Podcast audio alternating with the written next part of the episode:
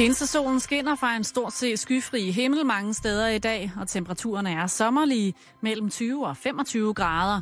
Vinden svag til let, som kommer mest fra mellem nordvest og nordøst. Du lytter til Radio 24 /7. Danmarks nyheds- og debatradio. Hør os live eller on demand på radio247.dk. Velkommen til Bæltestedet med Simon Jul og Simone Lykke.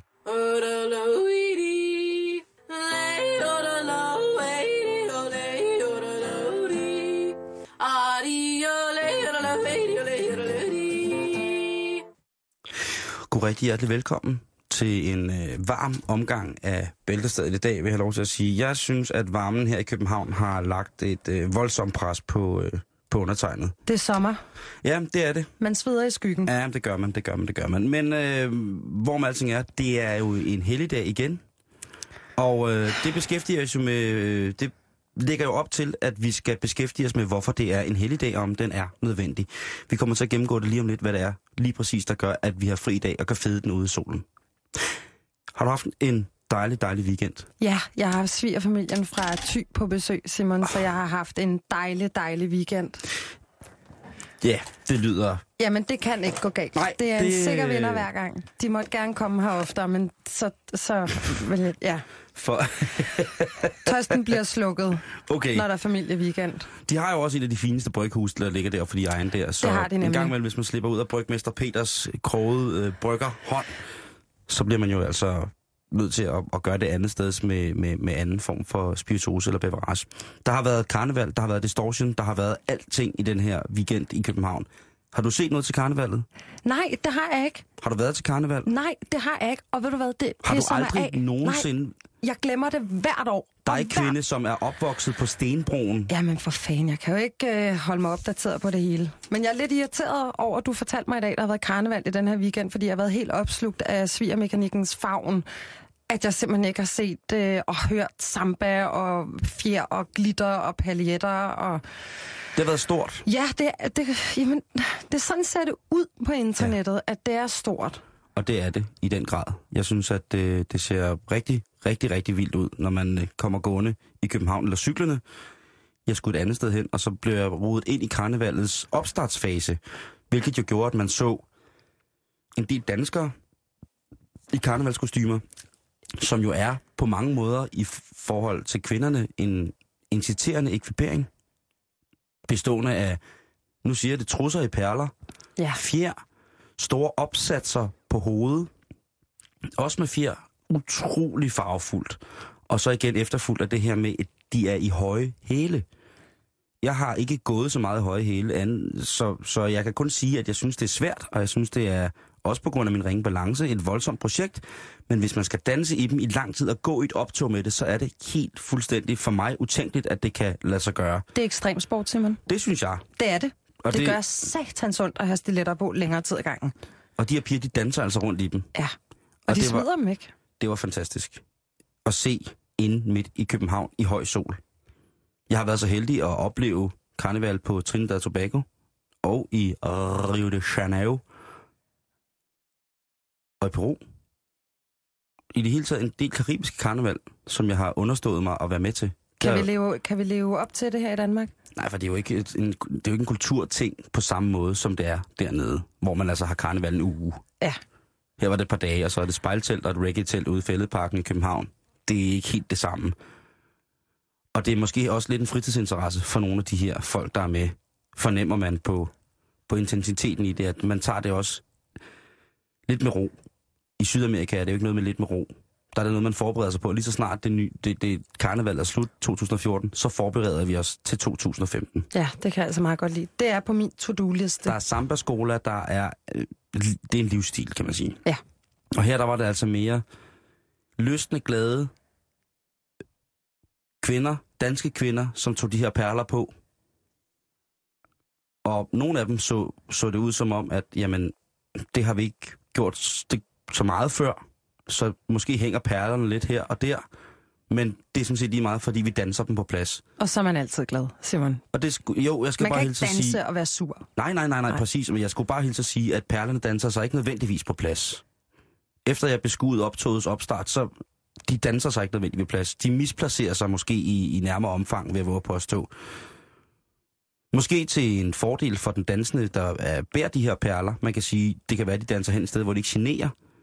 Men i virkeligheden, så er det bare voldsomt at se en, en smuk dansk kvinde midt i Indre By København med hængerøv i perlegetrussen. Ja. Vals ud af takt til en lige så mærkelig karnevalsfører, der også spillede ud af takt. Der var også en gruppe brasilianer. Rigtig folk fra Brasil.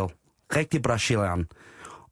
Da de begyndte at svinge, træbenet havde han sagt, rytmestokken, så var det lidt som om det danske karnevalsoptog gik lidt i stå. De kiggede. Watch and learn, måske. Mm. Jeg, jeg ved ikke, om de gik i stå, eller om det var en form for ærefrygt, eller om de ikke... Det var i hvert fald meget mærkeligt. Det er også tavligt, når man er ekspert, og man Ja. kommer fra Brasilien, og man kan, man har rytmen i kroppen, og musikken spiller, og så står vi stod, vi... nogle, vi stod nogle stykker og kiggede på det og tænkte, er det måske fordi, at en af dem, der går i det rigtige brasilianske kar- karnevalsoptog, er en af lægerne i forhold til den danske samba-delegation? Det kunne det snilt være. Jeg ved det ikke. I hvert fald alle de folk, der skal, skal til karneval, eller har været til karneval i København i, i den her øh, weekend, jeg vil bare sige, I gør det til et så meget mere farverigt sted at være. Jeg er på den næste år. kan- Lige præcis. Vi skal til karneval næste år, Simone. Ja. Vi skal også til karneval i Aalborg. Der er også et kæmpestort øh, karneval i Aalborg, og min rigtig, rigtig gode ven, øh, Rasmus, han siger, som er op for Aalborg, han siger, det er altså det, man skal til. Uh, hvornår det? Jamen, det ved jeg ikke. Det finder Det vi ud af. vi. Vi har finder sikkert ud- masser af lyttere i, i Aalborg, som kan hjælpe os med, hvornår der er karneval. Det kunne sagtens være, være nu. Så har der været Distortion, Ja, Byfestivalen. ja, Jeg elsker det. ja. Jeg, jeg, jeg kan ikke sige andet, jeg elsker det, Simone. Nej, jamen, jeg tror heller ikke, jeg siger meget mere. Jeg vil bare sige, jeg synes, det er rigtig synd for de mennesker, som kommer hertil og gerne vil i kørestol. Og det skal ikke blive sådan noget med, at jeg laver en glorie og tegner, pusser en glorie over mig selv. Slet, slet ikke. Jeg var bare til nogle forskellige arrangementer, hvor der var kørestolsbrugere, som i den grad ikke havde nogen mulighed for ligesom at... Medmindre man selvfølgelig skulle... Der var også et tidspunkt, hvor jeg så nogen, der løftede en, en, en, en kørestolsbruger. Det var mega sejt. Men det kan man ikke hele tiden. Det er ret tungt at gøre, hvis man også selv vil danse. Så det er svært at danse med en kørestol over hovedet. Medmindre man er fire mennesker. Ja, Specielt hvis det er en elektrisk en af slagsen. Så vil jeg bare lige som en gammel sur mand sige, nej, det synes jeg sgu ikke, jeg er, når jeg siger det. I virkeligheden. Sige til distortionarrangørerne, hey, jo, gør lige noget for Ja. dem, der kommer i stol. ja det er Fordi- vigtigt at sige det street, Ja. så de hører det. Ja, lige præcis. så det ikke bliver sådan noget gammelmandsvrede. Ja, lige præcis. Så bare lige gør noget for dem i stol. De har nemlig også fortjent en distortion. Lige præcis. Og selvfølgelig så er der så dem, der sad i stol, som virkelig havde gjort sig selv til en kørende bart. Det synes jeg var exceptionelt elegant gjort. Uh, det havde jeg også gjort. Ja, ikke? Hvis man er til distortion i kørestol, så skal man altså have pimpet sit ride lidt op. Åh, oh, det skal man. Ja. Men det var bare en lille notits. Ja, jamen tak Ellers for det. fantastisk weekend. Ja, men det, jeg, jeg, jeg klager heller ikke. Så. Og så i dag, når det er sommer, er tilbage på arbejde med den dejligste kollega i hele verden. Ej, Simon. Åh,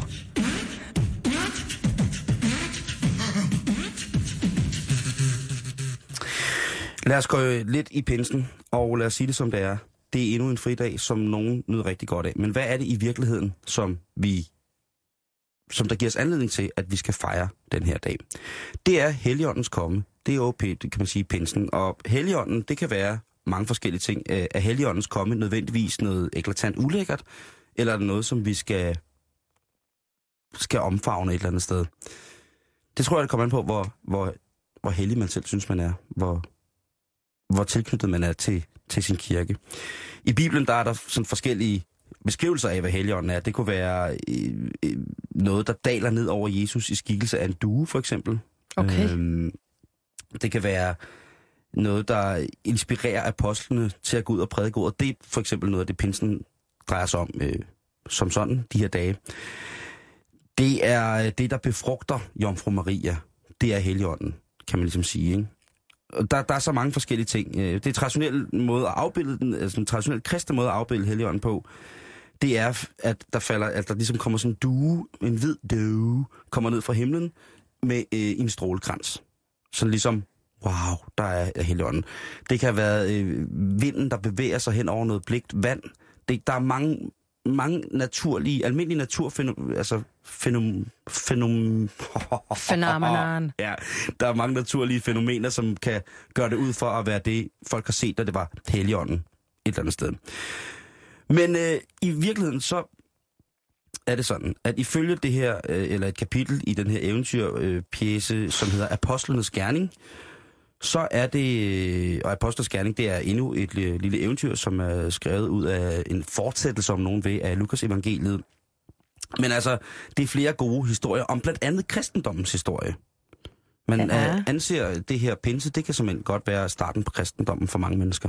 Hvis det er, de ligesom hænger ud med de gamle bøger og tænker, wow, det er det, det, er det her shit, jeg skal leve efter. Ifølge ap- den her tryllebog, som, øh, som er Apostles Gerning, så sidder Jesu crew, apostlerne ligesom, og herefter Jesus er død, og han er også faret til himmels ifølge nogen, der sidder de og fejrer den her, den jødiske højtid, som hedder Shavuot. Sh- Shavuot. Jeg jeg er ikke sikker på, hvordan man udtaler det. Den Den er er- god, den, når man krasser i halsen. Og det er lige præcis, og det er øh, Shavuot. Nu sagde jeg det. Shavuot. Det betyder uger på hebraisk.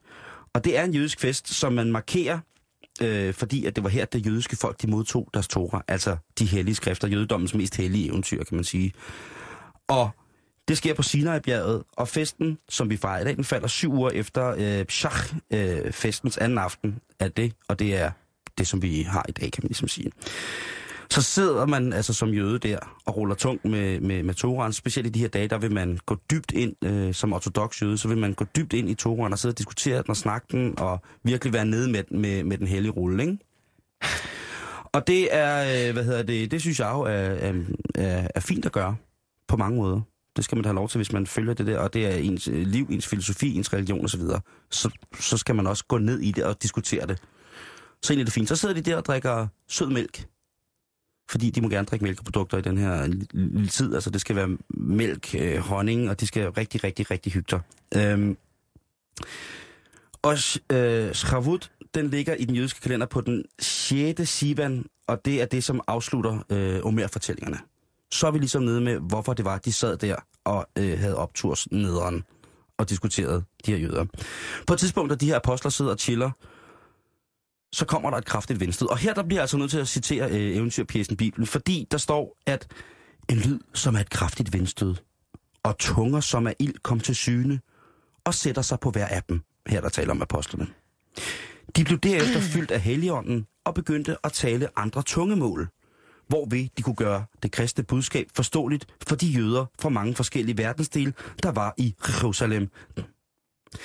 Denne her episode, som vi snakker om, hvor at helligånden besætter apostlene, det bliver normalt betegnet som det der hedder pinseunderet. Og det er blandt andet en af de ting, som de forskellige grene af pinsekirken, når jeg det er navnet, sætter pænt stor pris på. De synes altså, det er mega nederen. Og det er altså i forhold til det første, jeg fortalte om, hvad helligånden var, ja, så er det altså her, hvor at noget, der inspirerer øh, apostle til at gå ud og prædike ordet. Altså hvis man føler, at man ligesom bliver ramt af det her, vinduerne blaffer, bum, brrr, Helligånden er helt op i mig. Hvad skal jeg gøre? Hvad fortæller den? Hvad beretter den? Hvad er det, den ligesom prædiker for mig, at jeg skal gøre? Det er jo i ordets forstand Helligånden, Guds ånd, som ligesom går i gang med at, øh, at rode i os, ikke? Nå, så mere skal der ikke til. Det er i hvert fald en helt, en helt gren af, af, af kirken, kan man sige. Ja, det lyder da sådan, men så er jeg bare nysgerrig, hvad er anden pinsedag så? Hvad er der særligt ved i dag? Er det så bare en fridag, eller skete der noget særligt med Helligånden lige i dag? Det var lige det, jeg sad og fortalte de sidste seks minutter. Jamen, så var Kan jeg hægtet helt af med i dag med anden pinsedag. Ja. Jeg forstår pinsen, Ja. men det, det har så Øh, strukket sig over flere dage. Ja, egentlig lidt, ikke? Øh, det, det, I virkeligheden så er det sådan, at, øh, at det jo er anden dagen, kan man sige. Og det er en kristen højtid, som holdes til minde om Helligåndens komme. Så det er ligesom dagen efter. Man må komme sig efter det, kan man sige. Og det må da være den sidste, vi får et godt stykke tid. Den sidste helligdag. Øh, ja, nu starter, øh, efter anden pinsedag, så starter vi jo på nedtællingen i forhold til Trinitatis, ikke? Så det er, øh, hvis man ved noget om Dansk Folkekirke, det skal jeg ikke, øh, det skal jeg ikke råde mig ud i. Men øh, det er det, at vi ligesom går efter søndagene efter Trinitatis, som så øh, er lige præcis det her. Jamen, fridag kan man vel ikke få for meget af, eller noget? Det ved jeg ikke. Men i hvert fald, så er det et, et, et, et, et dejligt eventyr, og jeg mener, at hvis der ikke skal mere til, end at det bliver nedfældet, at øh, der, er nogle, der kommer et kraftigt vindstød, og alle bliver besat af helgen og begynder at snakke i tunger, jamen altså, så er det jo... Så må det være det. Så hvis man skal leve efter det, så synes jeg, det skal, øh, skal, skal være fint. Altså en, en svag vind, helgen op i hele kroppen, la-la-landsproget, som jo er, det er vildt at snakke tunger. Hvis folk snakker tunger, så mm, hvis man hører det, så kan man jo godt blive en lille smule skræmt, synes jeg. Ja, det vil jeg blive. Men igen, så et, et fælles sprog, øh, en form for, for, øh, for, for, for præhistorisk esperanto, som ligesom går i gang her med, med, med den her bevægelse. Og så kan man jo sige, at folk, som, som virkelig går ind i det her, studerer det måske ikke normalt som troende, men øh, fordi vi i Danmark tilhører den lutherske kirke, så er, er sådan noget som heligånden, det er måske ikke noget, vi har beskæftiget os sådan ultra meget med. Det er ikke, heligånden betyder selvfølgelig rigtig meget i, i kirken, men det er sådan i forhold til offentlige helligdage måske ikke noget, vi beskæftiger os så meget med i rent, rent kirkeligt. Så ja, årsagen til, at pinsen ikke gør så meget væsen af sig i, i forhold til, til, til kirkelige handlinger i, i Danmark, det er måske, at vi danskere er rationelle lutheranere. Så det bliver lidt for magisk. Jamen, det ved jeg ikke, men altså, der er kommet nogle justeringer i forhold til, til den lutherianske trosretning, øh, hvor, hvor kirken ligesom starter i Danmark, men det er i hvert fald en fridag, og det tror jeg, det er det, igen er det det, at folk hænger sig aller, allermest i. At, øh, at, at mange kirker omkring pinsen og sådan noget, de har brunch, og de har alle mulige forsamlinger, hvor man ligesom mødes, og der bliver sagt, øh, der bliver sikkert prædiket lidt og sådan nogle ting, jeg siger, men man mødes stille og roligt, og og det, det er vel det. Øh, der er så mange, så mange andre ting. Jeg tror, hvis man skal finde sted i kirken, hvor i det kirkelige rum i Danmark, hvor man virkelig går til den rent øh, kirkemæssigt og i, i pinsen, jeg, jeg har kunnet se på aktivitetskalenderen, der er masser af gudstjenester i den almindelige danske kirke. Masser. Hvor men jeg tror altså for eksempel i, i Pinsekirken og de grene af Pinsekirken, der tror jeg, at man giver den rigtig, rigtig, rigtig, rigtig tung gas her øh, op til pinsen. Ja. Så altså, øh, pinsen, i går og i dag, jamen altså, det er Helligåndens komme op i uh, apostlen, som vi fejrer. Bare så vi lige uh, er med på det.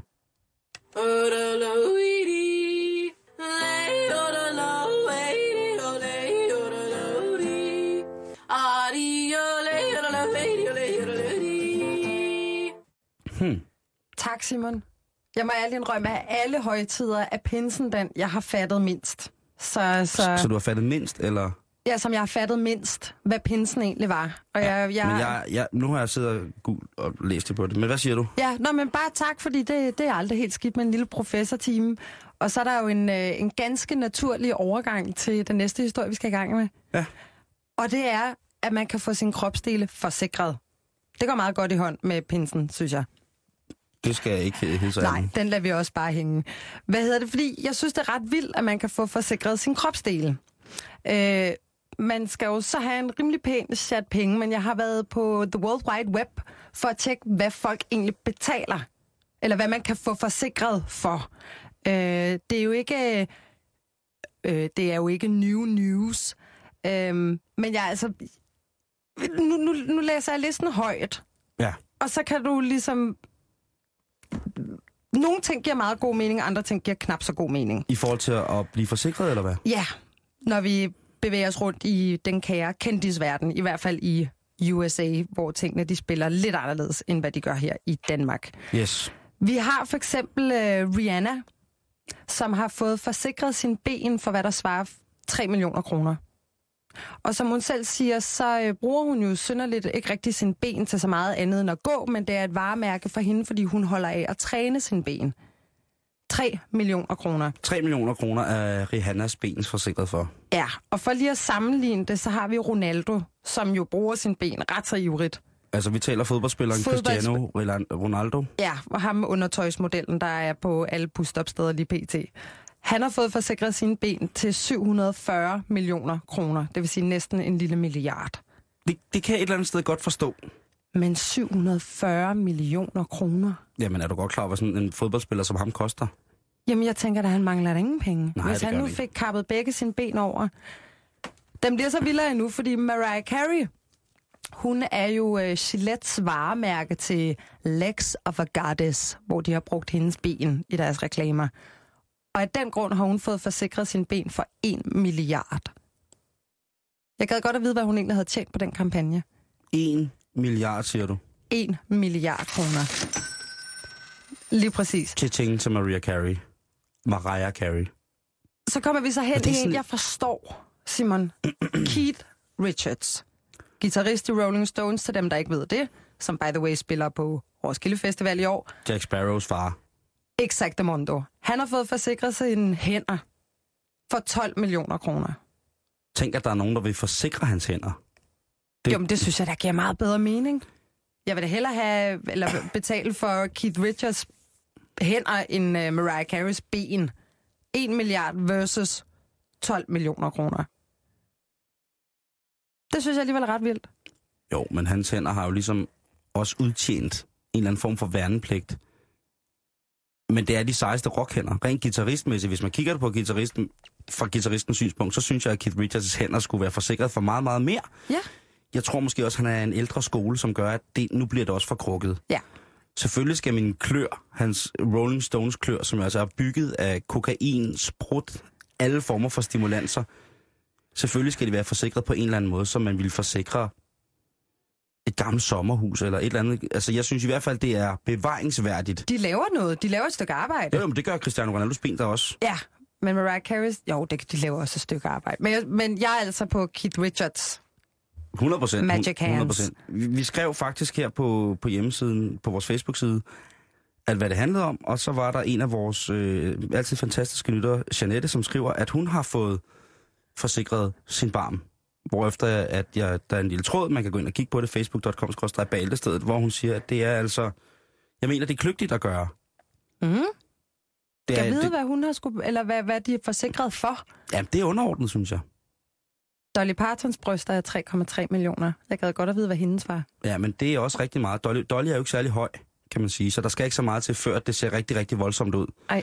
Det ser virkelig voldsomt ud, kan man sige. Ja, det, det er bryster. Jeg synes, øh, jeg vil hellere spørge om en kvindes alder, end jeg vil spørge om, hvor meget hendes patter var forsikret for. Ja, det er selvfølgelig rigtigt nok. Vil du ikke også synes, det, Det var rart at blive spurgt om? Jo, det er lidt, men det er derfor det er godt, at jeg sådan helt undercover bare kan gå på nettet, fordi jeg vil aldrig nogensinde turde spørge både om alder, eller hvad brysterne er forsikret for. Øh, og Jeanette, hun er, hun, hun- på hendes billede, der ser hun ud til at være en nydelig dame, og det sømmer sig ikke for mig, og så skal jeg ikke spørge om det. Nej, Det kan men være, hvis du møder hende en dag, så kan I tage den stille og roligt noget til sammen. et lille wink i øjet. Lige præcis. Forsikret for. Ja, fordi jeg tror da også, at for eksempel sådan en som Linse Kessler måske har forsikret Ja, til God pointe. klodernes kamp, som hun løber rundt med der. øhm, jeg synes, det er helt cool. Men jeg synes, øh, det, vi kan jo også som radioværter få forsikret vores stemmer. ja. Det er enormt dyrt, og det er måske også lidt fjollet, men det er om ikke andet noget, hvis det er ens konkrete levevej. Hvis det er, at jeg en dag kommer gående ned i Netto, og der er rod ved knækbrødshylden, og jeg lige pludselig så får et los i halsen, og jeg, min stemme den bliver reduceret til... Så bliver det svært at lave radio for andet end hamster. Ja, det er rigtigt. Så jeg synes, det, jeg synes, det er fint, men selvfølgelig er det, er det overdrevet i alle de der ting. Jamen også Tom Jones for eksempel, han har fået forsikret sin brysthår for 40 millioner kroner. Den kan jeg 100% forstå. Prøv at tænke på, hvor meget... De ryger vel? De forsvinder jo Ja, de per bliver, automatik. Ja, de bliver vel grå på et tidspunkt, men, han, men jeg tror også, det er en af de ting, at da han først knappede op i midten af 60'erne, Tom Jones, Så var der no way back. altså, jeg tror, det er en af de ting, som har været givende til, at han har en rekord, som ikke er mange andre store entertainerstjerner forundt. Hvem kan? Tom kan. Ja, et eller andet sted med, med noget, at han har i hvert fald haft gang i en del damer på, på mange måder. Og hvis jeg var en, en dame, og Tom Jones stod foran mig og kløede sig selv lidt i måtten, så skulle jeg da også være skarn, hvis man ikke tænkte, ved du hvad, Tom, den, den her tager jeg for holdet. Jeg, jeg klør for dig. Ja, Det jeg, skal du ikke tænke på. Jeg tager den fremover. Ja, fordi det er tæt behåring. det er altså, det der er ikke nogen skaldede pletter der. Men, men, men store kunstnere og guitarister øh, forsikrer deres hænder selvfølgelig. Der er nogen, der har forsikret deres hørelse, altså producer, Ja. musikproducere, og så fremdeles klassiske musikere. Altså, de får forsikret deres lemmer i forhold til, at det er noget, de skal bruge til at yde deres bedste. Ligesom at Cristiano Ronaldo har, er ikke, han er jo ikke bare en fodboldspiller, eller det er han jo, men han er jo også en forretningsinteresse, og han er en kæmpe, kæmpe, kæmpe, kæmpe stor forretning for, for rigtig, rigtig, rigtig, rigtig mange mennesker. Så det er jo klart, at hvis han ikke på en eller anden måde får lov til at blive forsikret i forhold til, at han skal yde noget, som skaber en rigtig, rigtig stor røvfuld penge til Real Madrid for eksempel, og ham selv, jamen det er jo klart, hvis han lige pludselig ikke kan det, så bliver der nødt til at være nogen, der skal kigge på, hvad kan han så leve af? Jamen det er det. Ja, Nu tænker jeg så, at han har en, vel forhåbentlig i hvert fald nogle gode investeringer, en fin opsparing eller et eller andet med alle de penge, han har tjent. Men jeg kan bedre forstå den del af det, hvis det er noget, hvor du bruger den kropsdel i et eller andet form for håndværk. Men når jeg så læser sådan en som øh, Jennifer Lopez, topper den her liste, fordi hun har fået forsikret sin, sin numse for 1,6 milliarder kroner. Hendes røv. Jeg kan, altså, det er også det, jeg tænker, hvad kan der ske med den her numse? Den kan jo ikke noget. Den er der bare. øh, der er jeg ikke enig med dig. Hvad kan den? Den kan være øh, et sexsymbol, som er overgået til at blive en, et brand for Men den Jennifer kan, jo Lopez. ikke, den kan jo ikke gå i stykker. Det ved man ikke. Altså brække numsen, hvordan... Hvis hun får røvpest, eller jeg ved, sot, eller et eller andet, der gør, at fysiske ekstremiteter bare visner af, eller hun taber muskel og fedtvæv på samme tid, meget, meget spontant. Ja, men jeg skal ikke kunne udelukke det, men jeg, jeg, stusser, jeg stusser over numse til 1,6 milliarder, og så vender jeg tilbage igen Keith Richards hænder 12 millioner. Jo, men det har jo sikkert også noget med at gøre, i Jennifer Lopez' tilfælde har det også noget med, måske at gøre med, hvad hun selv anser sin røv for at være, være god for, i forhold til, hvad den har givet hende. Så er der noget ego indover. Det tror jeg trygt, du kan regne med. Det tror jeg også, der er i forhold til Ronaldo, og det tror jeg også, der er i forhold til Mariah Carey, Ja, når vi er oppe i de beløb der. at det er fjollet. Altså vores, øh, jeg ved ikke om du kender øh, Dave Lee Roth, han var ny i min verden, men han er forsanger i Van Halen, eller Van Ah, Halen. han var. var det, forsanger. David Lee Roth var er en, det er en helt anden historie, men øh, kom med din. Ja, nej, men jeg vil bare sige, at han har fået forsikret sin sæd for 600.000 øh, pund, hvilket er 5,5 millioner kroner. Og det er just in case, at han skulle gøre nogle groupies gravide. Så vil han være sikker på, at han ikke er økonomisk bundet af det. Så hvis han kommer til det, så får han penge af sin forsikring, som han så kan give til de vortende mødre. David Roth Den var, er, den er, en, he- det er rock. David Lee Roth var en af de oprind, var den oprindelige forsanger i Van Halen. Blandt andet ham, der synger på deres kæmpe hit Jump. Der kom så en disput mellem bandet og ham netop, fordi han lavede sådan nogle stunts der. Hvilket gjorde, at han blev stridt ud af bandet, øh, Edward Van Halen og, og hvad hedder det, David Lee Roth blev uvenner. Og ind så fik de så sat øh, Sammy Hagar ind, som er manden, der har spillet med dem i rigtig, rigtig, rigtig mange år og lavet en del plader med dem. David Lee Roth kom ind igen som et mediestunt i forhold til noget MTV, der var for tre år siden, ja. hvor at han ligesom stillede sig op og sagde, prøv at høre, vi er samlet igen, og så videre, så, så videre. Men han er øh, nok lidt mest en, øh, en, en flejnert, og jeg tror ikke, at det holder særlig længe. Og Så en Alt- lille reality stunt. det tror jeg, og det, det er mange år siden, det var meget populært i 80'erne at snakke om netop det der, hvor han fik nogle særdeles krakilske LA, øh, hvad hedder det, LA-advokater til at lave det her forsikringsstunt for ham. Det er jeg så glad for, at du lige fortæller. Ja, Fordi- men det manglede også bare. Ad, Jesus Christ. Og så kan man sige, hvad man vil om Sammy Hagar i Van Halen, hvis vi nu skal den vej ud af. Jeg, er fuldst... jeg kan godt lide ham. Jeg synes, det er fedt. Jeg synes også, det var fedt, at han spillede guitar, og hans soloalbum så også tilforladeligt gode og sådan nogle ting og sager. Men altså, David Lee Roth, Han er en flippet her. ja, han lavede jo også nogle mærkelige plader. Øhm, Eden Mall og Skyscraper med fantastiske rockguitarist Steve Vai på. Det er helt anden. Det skal vi slet ikke ud i dag. Ja, men det, det er alle er der flere dejlige... Er der, alle veje fører nemlig til rock. Er der, nogle, øh, er der nogle andre fantastiske forsikringer, vi lige skal have med i huset? Nej, jeg har lige uh, Fred Astaire. Mm. Han havde uh, fået forsikret uh, hvert sit be- hvert ben Ja, for 450.000 kroner. det er jo alligevel en del. Det synes jeg alligevel er en del. Det er 2,4 millioner kroner i dag, men jeg synes, vi kan se et generationsskift i ego og selvoptagethed i forhold Altså, vi har Fred Astaire, altså fantastisk danser, som er så ydmyg, at han 2,4, så er det okay. Det er også så lang tid siden, ikke? Og han døde i 87, mener jeg, det er. Hvis du skulle forsikre noget på dig selv, hvad skulle det så være? Åh oh, gud. Jamen, det er ingenting. Det ved jeg ikke. Ingenting. Altså, så skulle det være min hjerne, eller mit hjerte, eller et eller andet. Hvis det, ja, så var der en lækker arv til, hvis nogen... Ja, hvis jeg får et hjertestop.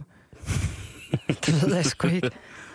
Jeg tror, man er forsikret i forhold til, til hjertestop. Ja, det er Måske. man. Hvad med dig? Jamen, jeg er jo forsikret i hoved og røv, kan man sige. Så det... Øh, Så ballerne er forsikret? ej, kroppen er. Jeg tror faktisk, jeg bare har sådan en helt almindelig forsikring, som dækker... Øh, ja, noget almindeligt. Jeg har en rejseforsikring, som er ret omfattende. Fordi når jeg så ud og rejser, så rejser jeg mærkelige steder hen, og jeg rejser ud og laver mærkelige ting nogle gange. Og der ligger sådan noget implicit forældre noget med, at altså, hvis du dør, så vil vi godt på en eller anden måde have dig hjem. Men det skal fandme ikke koste særlig meget. Nej. Det kan også blive ubeskriveligt dyrt. Så øh, jeg tror i hvert fald, at der er et forsikringsselskab, der er rigtig, rigtig, rigtig glad for mig på nogle punkter. Ja. Lige der. Og det har, det har jeg ligesom gjort. Du betaler din chat. Ja, ja, ja, ja, men at hvis jeg skulle have forsikret et eller andet, som virkelig, virkelig... Som ligesom er dit kendemærke. Mhm, mhm, mhm. Så skulle det være...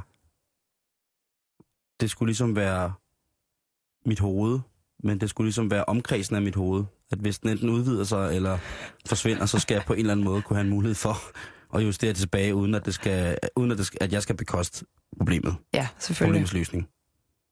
Så omkredsen af mit hoved, det må være det, jeg skal forsikre.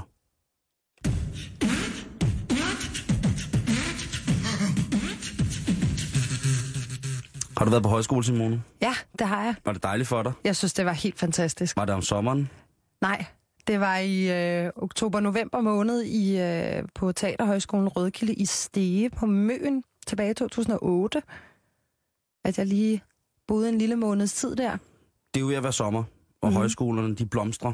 Eller, ej, det gør de heldigvis hele året. Hele året, Men ja. specielt for mange kursister i år, så vil det være rigtig rart at kunne sætte en kryds i kalenderen ved at sige, at vi tog på højskole i sommeren 2014. Og der er for eksempel sådan noget, der er mange, jeg har kigget utrolig meget på, på mange højskoler. Der er mange højsko- højskoler, som jo altså er ude, ligesom på en eller anden, de, de siger, vi vil godt øh, give et indblik i kunsten, hvis man måske har haft en spirende kunstner ind i, så man har malet, eller man har lavet noget tekstiltryk, eller et eller andet, man tænker, det gik i stå. Ja. Nu er jeg klar til at rejse ud i miljøet, hvor man trykker med kartofler, hvor man bruger rammer til silketryk, hvor man væver, hvor man maler, hvor man mundmaler, hvor man gør alle mulige former for rigtig kreative ting. Og så har jeg tænkt, hvad kan vi fra Bæltestedets side gøre, for at de får noget inspiration, de får øh, lidt blod på tanden til at komme ud og lave nye kreative ting, som giver dem et større åndeligt rådrum på højskolen her Ja, til sommer. fanden. Jeg har fundet nogle forskellige, øh, virkelig skøre kunstnere frem, som har gjort mange utrolig mærkelige ting.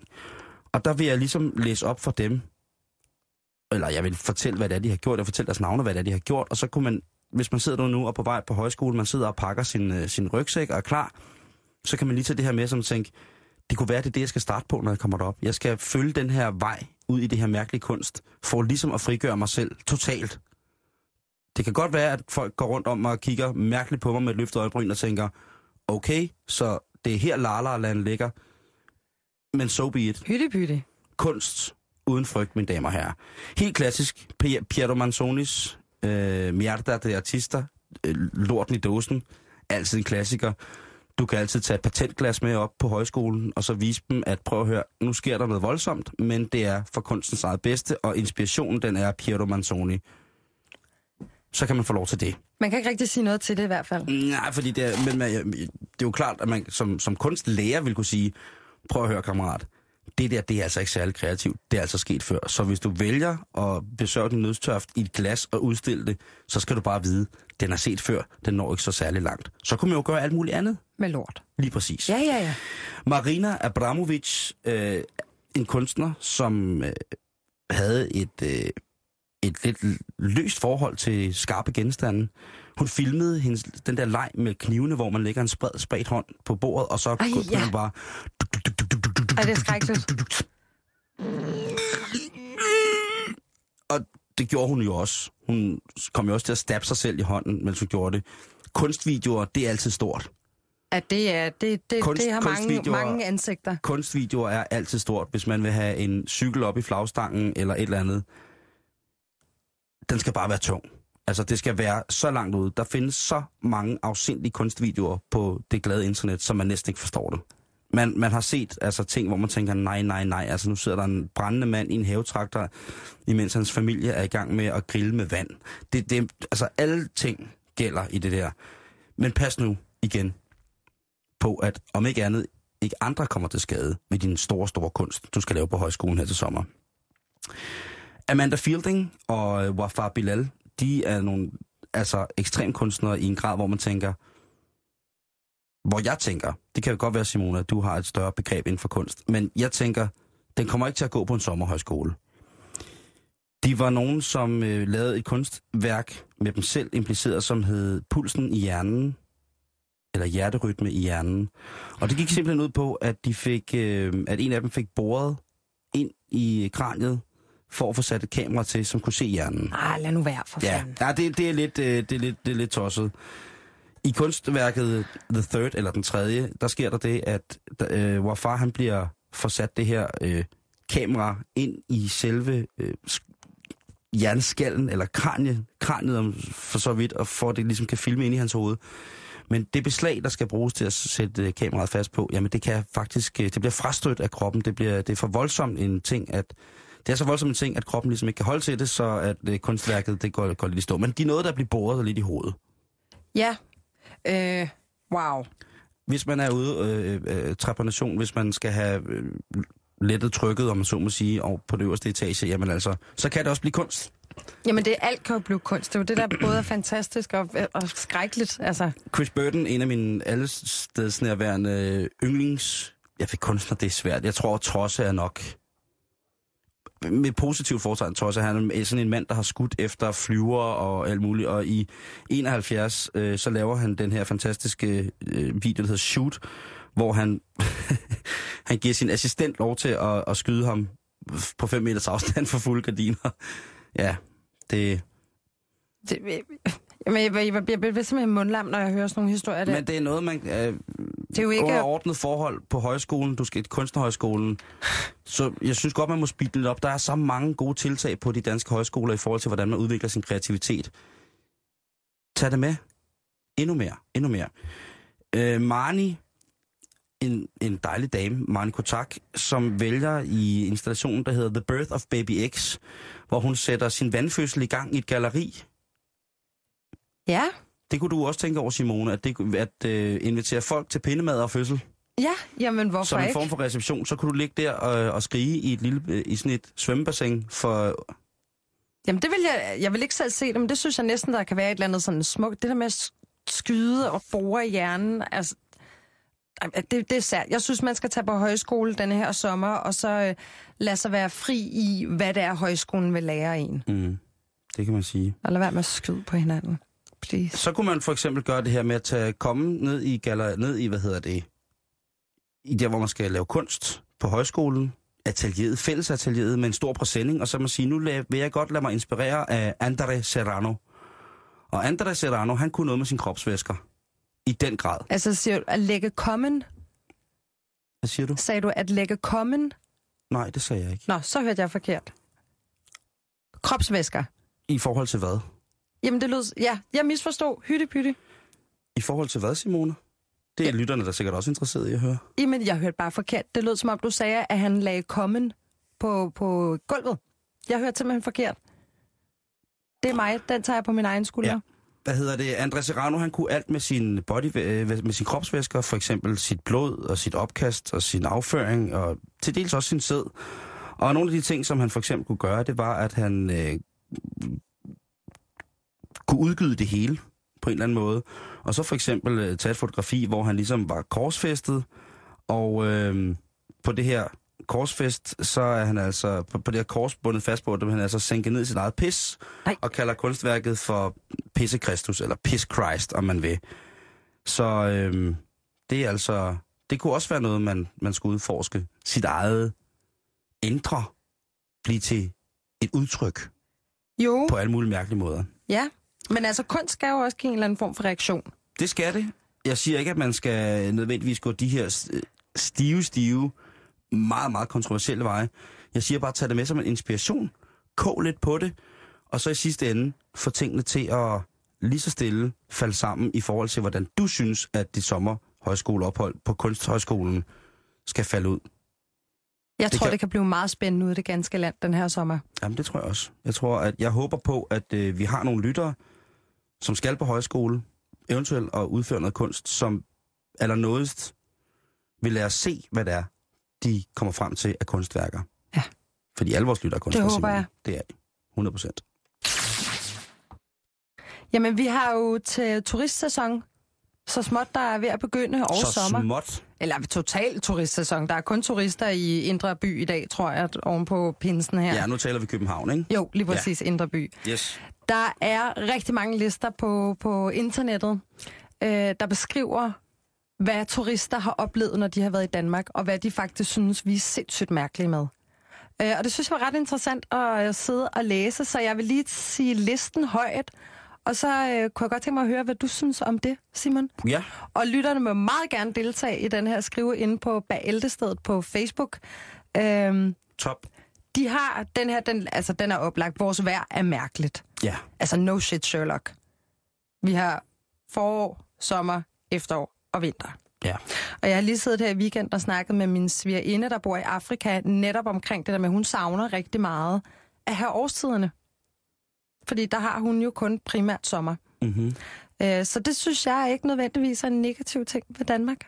Med vejret? Ja, Nej. at, at, det, at vi har kolde vintre, og vi har varme somre, og vi kan få lov til... Altså foråret er jo min yndlings, yndlingssæson, når man ser ligesom det hele blomstre efter en kold vinter. Det er ligesom der, hvor... Jeg elsker, jeg, jeg, kan, jeg kan kun være enig. Jeg synes, foråret er fantastisk indtil, at, at pollen går i luften. Ja, åh, ja, den er så også nederen. Min øh, kære bonussøn er ramt af græsallergi i de her dage, og det, det ser ikke rart ud. Det er det heller ikke. Det Men altså-. Det er i hvert fald en af tingene på listen. De undrer sig over, at vi, øh, vi lader børn være i barnevognen udenfor. Kunne du finde på at gøre det? Hvis man er på café eller sådan noget? Eller hvis man... Ja, hvis du sidder indenfor på café, og så har ungen ude, eller... Øhm, ja. Altså, da, mine forældre bor på tredje sal her i København. Ja. Ja. Og da jeg var barn, der var jeg nede i gården og sov. I og der var, ja, i en klapvogn. Jamen, det vil jeg heller ikke have noget problem med. Nej. Jeg, hvis man sidder på café, kan jeg godt forstå, at man gerne vil sidde og kigge, eller på restaurant, eller et eller andet, sidde og kigge. Altså, men øh, det er også meget normalt, at folk ligesom har deres sovende børn med i klapvognen ind og handle her i Danmark. Ja. Det synes jeg er fint. Jeg synes også, det er hyggeligt nok. Jeg kan huske, at min mor fortalte en historie dengang, øh, Dalle Valle lå inde i øh, Indre By København. Ja. At der lå hun altid, øh, os børn, øh, være ude i barnevognene udenfor, mens hun var inde og shoppe. Og så en gang i start 90'erne, der var der et lille barn, der blev taget fra en barnevogn. Og så fik hun altså små paranoia. Så stoppede hun med at gøre det. Men jeg tror også, det er meget sådan øh, dansk. Jeg synes ikke rigtigt, man ser det, når man er ude at rejse. De skandinaviske lande er gode til det, vil jeg sige. Ja. Det kan også være, det er noget, jeg jeg har arvet, men altså... Når nu, det er en mærkelig ting at tænke over, men nej. Det er det alligevel ikke. Altså, jeg er jo ikke selv forældre til småbørn, så jeg, så jeg ved ikke, hvordan jeg egentlig helt vil reagere ved det. Jeg tror godt, jeg kunne godt forestille mig, at jeg vil have lidt paranoia egentlig. Jeg tror ikke, jeg vil... Jeg, vil, tror ikke, jeg vil... Jeg tror, hvis jeg gik i sådan et kæmpestort supermarked, Ja. så ville jeg nok bare tage, tage unge med, hvis...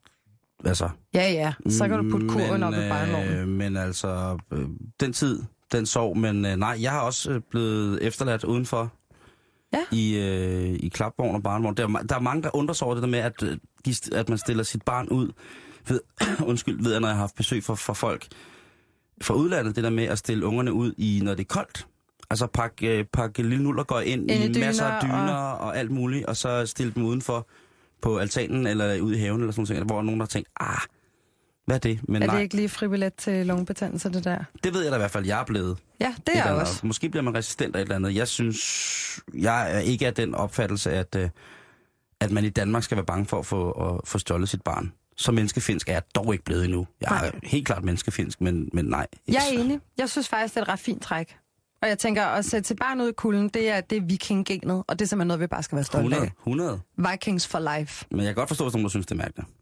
De synes også, det er mærkeligt, at vi hænger ud på kirkegårde. Øh, der har vi jo blandt andet her i København Assistenskirkegården.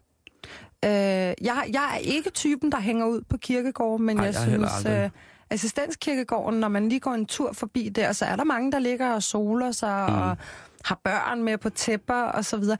Jeg kan egentlig meget godt lide ideen. Ja, jeg kan. Det er jeg heller ikke øh, ude, udforstående overfor. Nej, jeg synes ikke, at kirkegård bliver uheldige af, at folk altså, ligesom Ej, mixer liv og død. For guds skyld aldrig. Det, det synes jeg faktisk, mange vi- kirkegård på, altså, kunne lære noget af, Vi har faktisk. snakket om det, vi er født til at dø. Ja. ikke? Jo, og så er der præcis. mere eller mindre tragiske omstændigheder, der, der kan gøre, at man vil være nærheden af det, men jeg kan sagtens sidde til op hos min mormor og morfar. Ja, det samme her. Jeg tager nogle gange min jæs med op øh, på min mormor og morfars grav, og så sidder vi og spiser jordbær og kirsebær og sidder Ja, ja, på et tæppe ved siden af og hygger. Det, øhm, det synes jeg er fint. Det synes jeg er mærkeligt, at folk ikke øh, anerkender. Assistenskirkegården, det, det synes jeg er et meget, meget fint og meget, meget smuk kirkegård for den sags skyld. Præcis. Jeg kender ikke til andre, hvor man hænger ud. Så det kan godt være, at det er bare turisterne, der kun kommer til København, der nævner det her. Ja. Det kan være, at det også er ude i det ganske land, men så må vi jo oplyses, altså vores kære lyttere. En ting, jeg er enig i, som folk siger, det er, at folk er meget stille i transportmidler. Vi er meget private, når vi kører i bus og i tog og i metro. Ja, det kom med hovedtelefonerne. Tror jeg. Ja, det er jo et good point. Men jeg, jeg undrer mig altid om, hvis jeg har været ude at rejse, og så tager øh, metroen hjem fra, øh, fra lufthavnen, Kastrup Lufthavn, Ja. så slår det mig alt afhængig af, hvor jeg selvfølgelig har været hen, men jeg bliver altid sådan meget overrasket over, øh, hvis jeg nu smiler til nogen, at de så sådan kigger lidt mærkeligt. Så der, der, når man ligesom har været et sted i to-tre uger måske, og man ligesom er kommet i den sydlandske mentalitet, eller hvor man siger hej, og man smiler, og man, mm-hmm. altså, man, er, man er i et fællesskab, så kan det godt være sådan en chokfølelse egentlig at komme hjem. Og så tænker jeg, gud, kan vide, hvordan folk udefra så oplever det, fordi vi er ekstremt private. Jo, men altså, skandinavierne har jo altså, latent overtaget franskmændenes patent på at være arrogante. Det er sjovt. Jeg snakker med franskmænd i dag.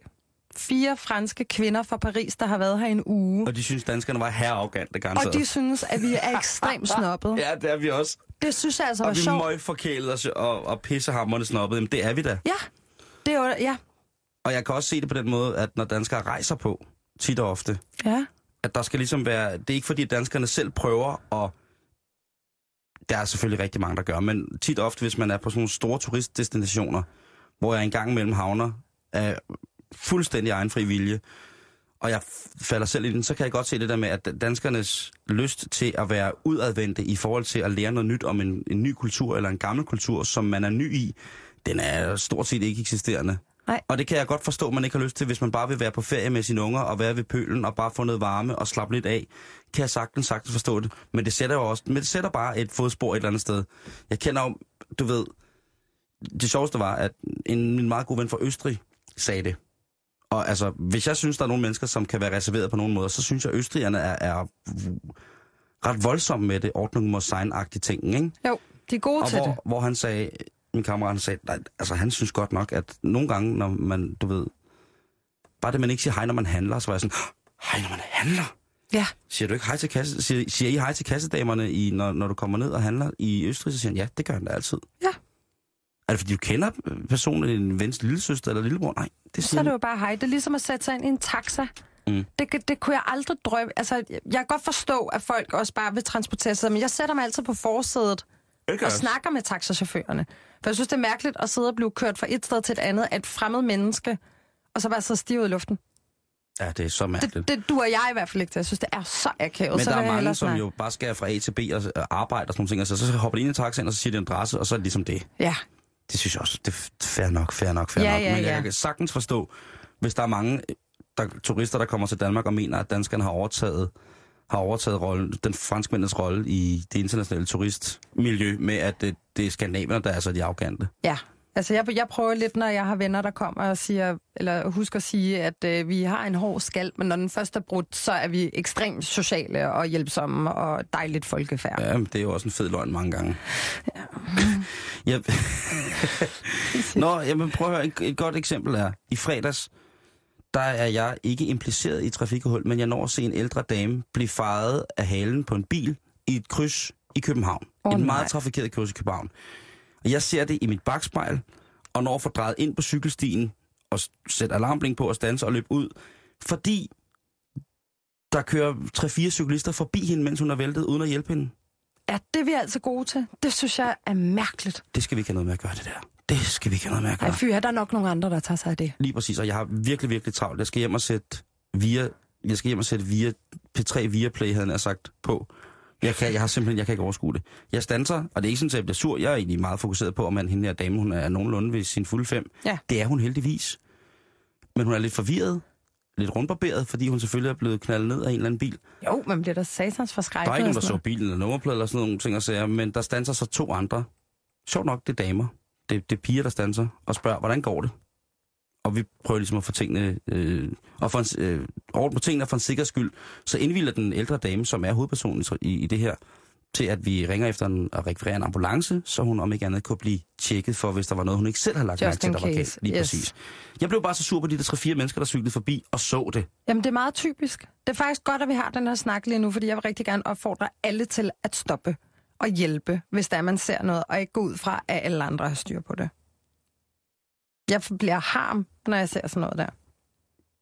Det kan det kan jeg faktisk godt forstå. Hvad er der mere? Er der mere på, på, på beding? Ja, en, den her, den er jeg simpelthen så enig i, og den har jeg heller aldrig forstået. Ish. Nej. Butikkerne lukker, når alle folk får fri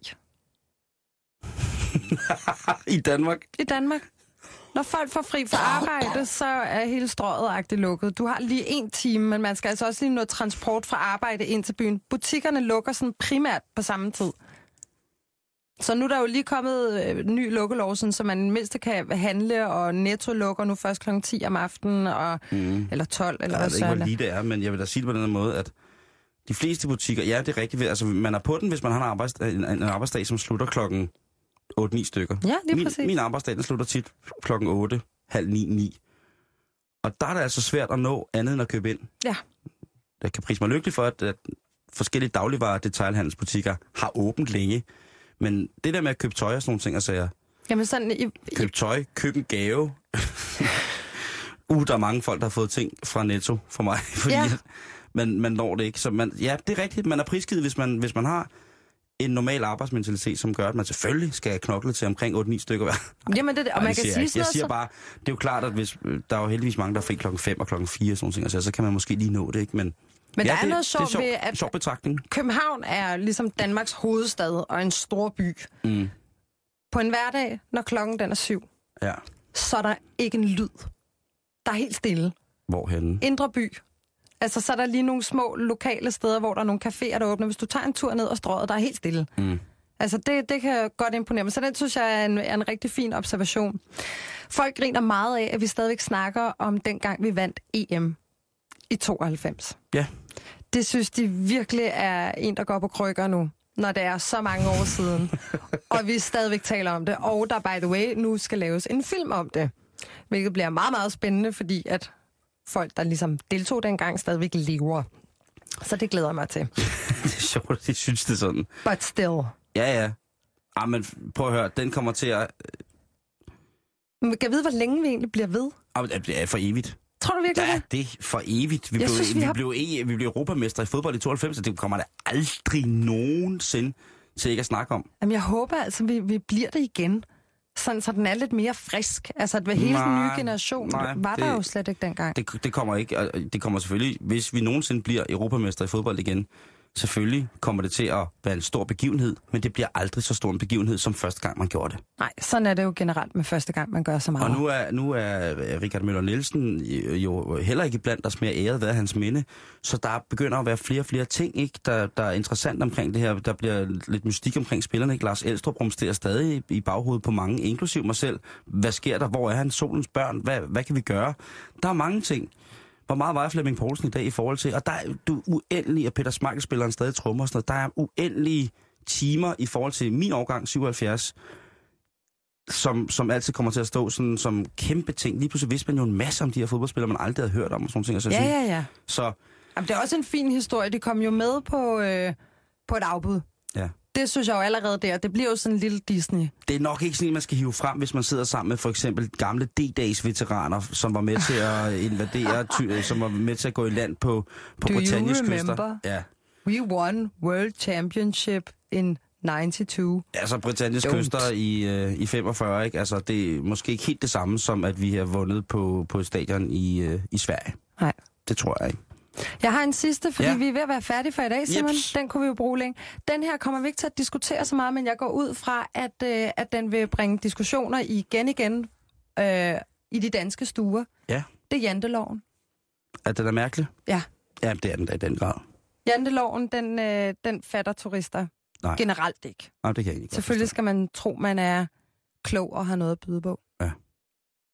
Det er det. To be continued. Præcis. Tak for i dag alle sammen. Ja. Det er, var alt, hvad vi præsterede i bæltestedet på sådan en varm, varm anden pinsedag. Til gengæld så kan I øh, sidde sammen med rapporterne her lige efter, med blandt andet Asger. Hey. Hej, hej Simon. Hej, Asger. Apropos jantelov. Ja. Helle thorning Schmidt, øh, hun tror, at hun skal ned til EU og klare ærterne, ikke? Ja. Og det prøver vi at se, om, øh, om vi kan få sat en stopper for. Nej, overhovedet ikke. Men vi skal diskutere, om det er okay at simpelthen at, at smutte fra statsministerposten. Eller om man burde gå ned med skibet som statsminister. Må man godt bruge øh, det at være statsminister som et springbræt til en international karriere. Og det er fandme spændende. Ja, og man kan Altså, sende... øh, er, det vi par, var- er det parallelt til Anders Fogh? Jens, og så Præcis, det er lidt det samme, ikke? Man kan sende en sms på 42 600 24 7. Sådan, det er rapporten lige om lidt. Nu er der nyheder klokken er 15.